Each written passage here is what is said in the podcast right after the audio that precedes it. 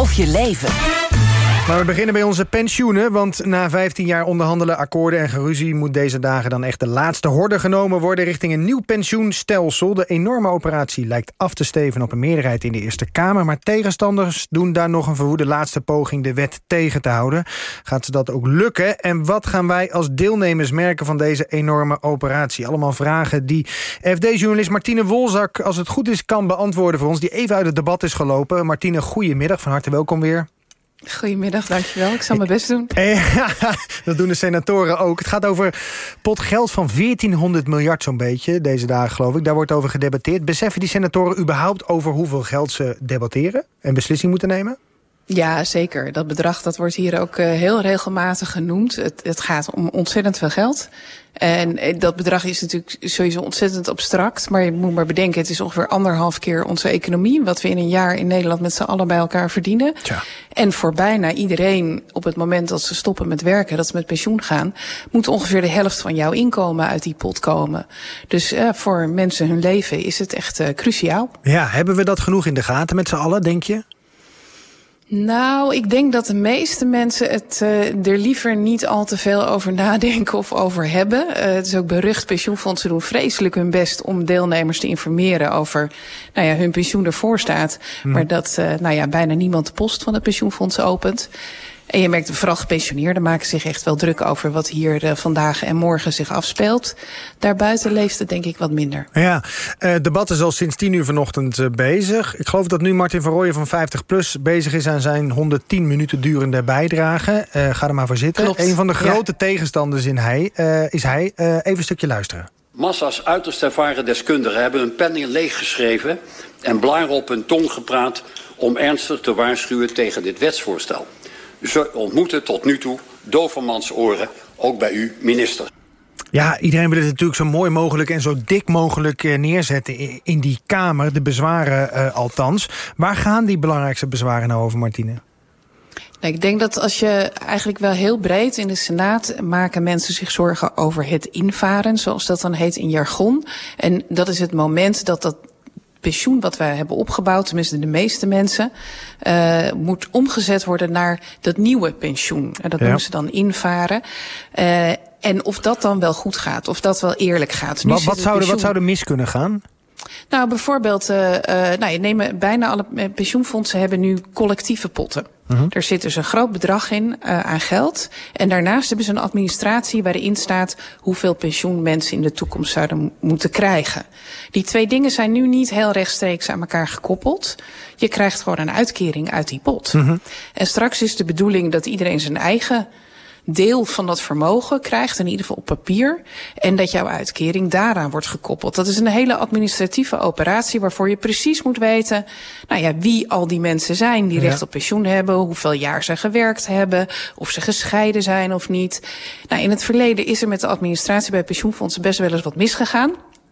Dus die moeten nu met stofkam door al die bestanden heen. Er zijn ook mensen die zeggen, nou dat is goed, want dan wordt het tenminste nu eindelijk een beetje netjes gedaan. Dat is eigenlijk in het huidige stelsel zou dat ook wel fijn zijn. Uh, maar het is wel een hele grote operatie. En er is gewoon heel veel discussie over, ja, wie heeft recht op hoeveel?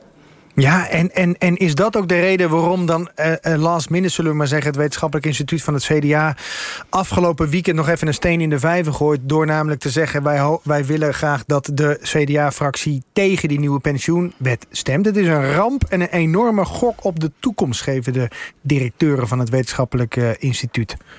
Ja, ze hebben niet heel erg uitgebreid uitgelegd wat nou precies hun bezwaar is. Dus ik zou dat dan deels moeten invullen. Er is ook geen stuk van het wetenschappelijk instituut waar dat goed uiteengezet is. Ik ben er het hele weekend naar op zoek geweest. Ik heb het nog niet gevonden. Als hm. mensen het hebben, ik ben heel goed te vinden op Twitter. Stuur het mij. Ik ben echt heel benieuwd. Um, maar ik denk, het, het, CDA, een flink deel daarvan hamert erg op het collectieve van pensioen. He, dat je het samen blijft doen ja. en dat het een solidaire regeling is. Nou, sommige mensen zijn bang dat het nieuwe pensioen, dat dat heel individueel, heel persoonlijk wordt. Ieder voor zich. Alle risico's bij werknemers. Um, ja, als dat, dat is hoe je er tegenaan kijkt, dan kan je hier wel huiverig van worden. Ja. Dat ze er zo laat mee kwamen, vond ik zelf wel verbazingwekkend. En vooral dat hun eigen senaatsfractie hier in de Eerste Kamer zei van, oh, nou, dat is nieuw voor ons dat ons wetenschappelijk instituut er zo over denkt. Ja, nou ja, even een uh, lesje communicatie daar nog binnen die partij dan. Uh, misschien, Tweede Kamerfractie had al voorgestemd, geloof ik, hè, van die CDA. Die heeft voorgestemd. En ja, ook in al die periode hebben we niet veel gehoord vanuit het wetenschappelijk instituut. Maar toch nog even, hè, Martine, die, die, wat je zegt, huiverig.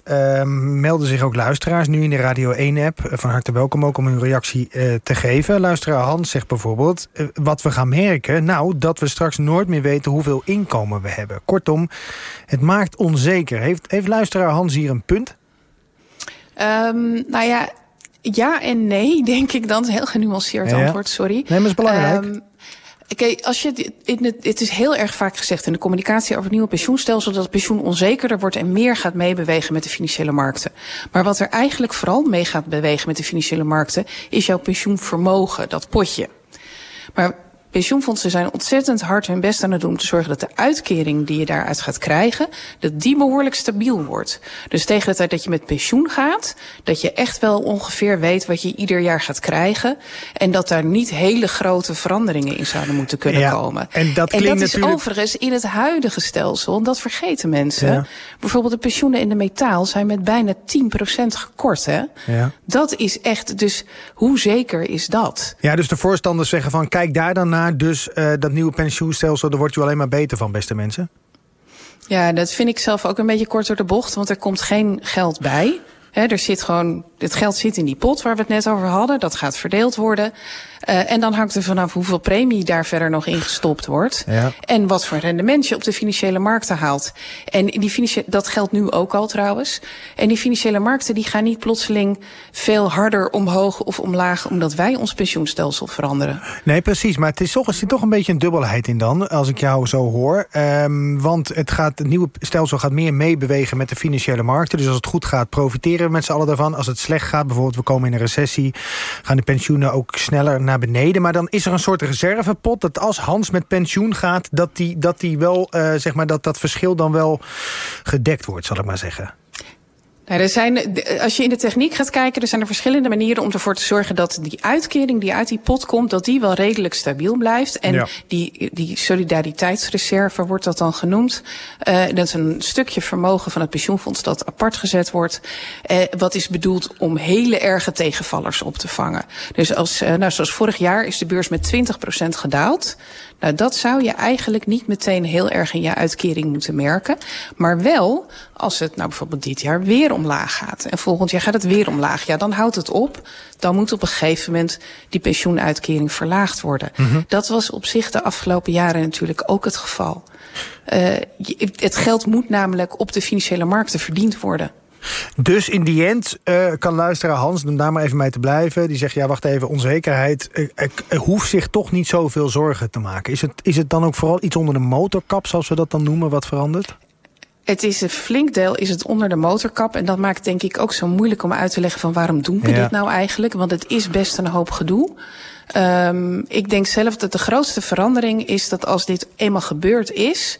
de pot is verdeeld, dan kan je niet meer krijgen wat er nu wel af en toe gebeurt, is dat zonder dat mensen het doorhebben de grote hoeveelheden geld verschuiven. Zo hebben werkenden de afgelopen jaren te weinig premie ingelegd voor het pensioen dat ze wel beloofd krijgen. Ah. Ja, dat is niet eerlijk. Uh, terwijl gepensioneerden zijn soms niet gekort, terwijl dat volgens de regels eigenlijk wel had gemoeten. Ja.